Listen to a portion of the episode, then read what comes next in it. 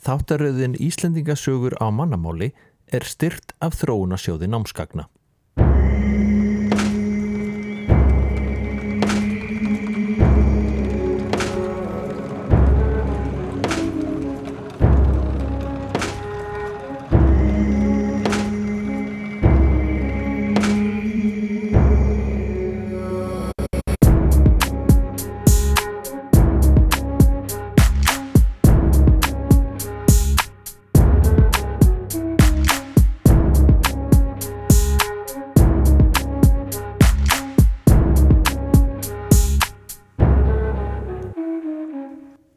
Komið í sæl, Ormstungur hilsa og í þessum þætti ætlum við að tala um drauma.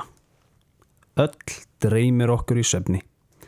Sum muna vel drauma sína á meðan aðrir telja sig aldrei dreyma neitt. Kannast þú við þetta, Hjalti? Já, og sumir draumar virðast vera hreinasta bull. En þau eru til sem vilja meina að draumar merki eitthvað. Í þeim félist skilabóð og tákn sem hægt sé að tólka og þeir segja vel til um framtíðina.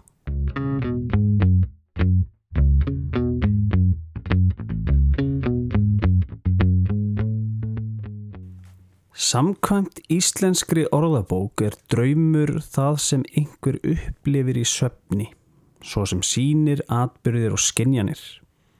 En orðið getur líka verið notað yfir eitthvað sem mann er langar í, til dæmis, við dreymur um sól og sumar núna. Eða það er draumur minn að vera atvinnumanneskja í íþrótum. En snúum okkur að draumum í Íslendingasögunum. Ef þú rekst á draum í Íslendingasögunum skaltu opna augun og sperra eirun. Því þá er eitthvað mikilvægt að fara að gerast. Því draumar merkja alltaf eitthvað í sögunum. Þeir eru fyrirbóðar eitthvað sem á eftir að gerast setna mér. Og draumar sem byrtast í Íslendingasögunum eru þannig líka leið höfundar að gefa þeim sem les vísbendingunum það sem koma skal. En snúum okkur nú að lagstælu, þar sem draumar koma mikið við sögu.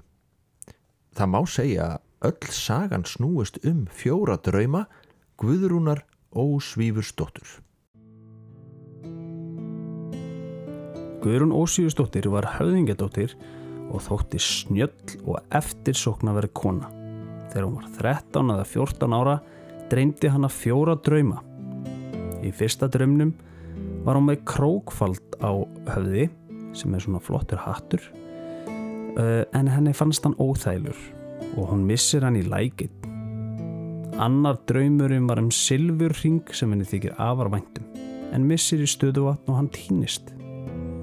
Í þriðja draumnum var hún með gullring á hendi en dettur og rekur ringin í stein þannig að hann brotnar og það blæðir úr honum.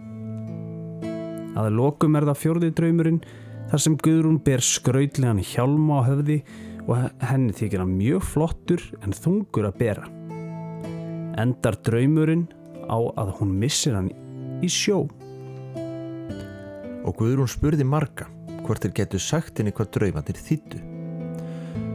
Og maður að nafni Gestur Ollefsson réð þá fyrir hana. Hann sagði henni að draumandin væru fyrirbóðar um eiginmenn hannar. Þann fyrsta myndi hún líka illa við og skilja við. Annar myndi drukna, sá þriðji deyja í átökum og sá fjörði líka drukna.